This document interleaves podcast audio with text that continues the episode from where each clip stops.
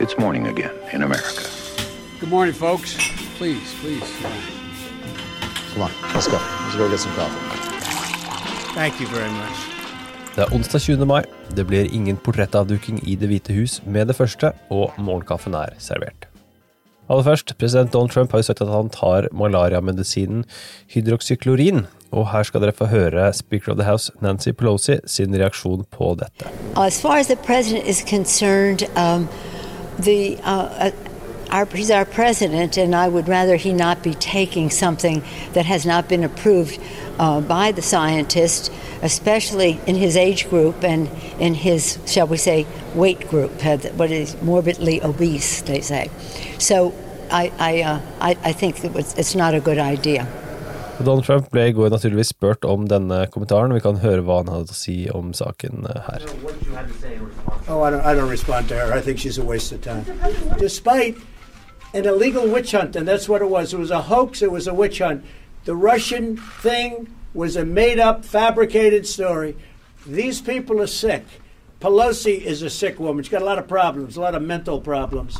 We're dealing with people that have to get their act together for the good of the country.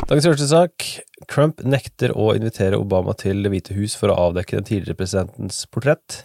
It has been a White House tradition for decades, a president hosting his immediate predecessor in the East Room to unveil the portrait of the former president that will hang in the halls of the White House. Det bryter med tradisjonen der den sittende presidenten inviterer sin forgjenger til avdukingen av den tidligere presidentens portrett, en tradisjon som har eksistert uavhengig av presidentenes partitilhørighet og personlige forhold. Vi kan her høre et par lydklipp, det første fra 2004, det andre fra 2012. Over eight years, it was clear that Bill Clinton loved the job of the presidency. He filled this House with energy and joy.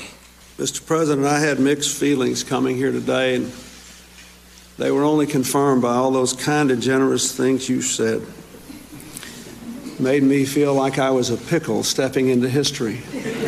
Uh, Michelle and I are grateful to the entire Bush family for their guidance and their example uh, during our own transition.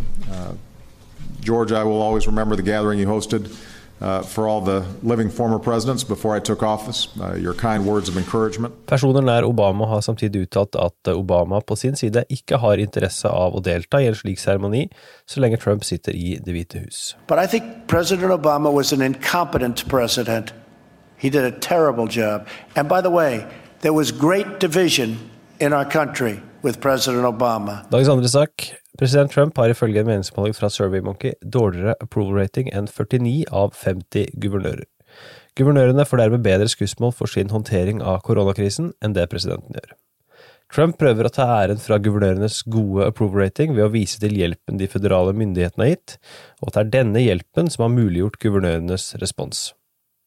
Det er da interessant å merke seg at tallene viser at demokratiske guvernører har en gjennomsnittlig approval rating på 70% mens republikanske guvernører ligger på 63% Georgia-guvernør Brian Kemp er den eneste av de 50 guvernørene som ikke slår Trumps approval rating, og republikanerne ligger på samme nivå som Trump med 43 Kemp har på sin side blitt kraftig kritisert for gjenåpningen av Georgia, og guvernøren som ligger på nest siste plass, har 53% i approval rating, nesten 10 prosentpoeng mer enn Trump og Kemp.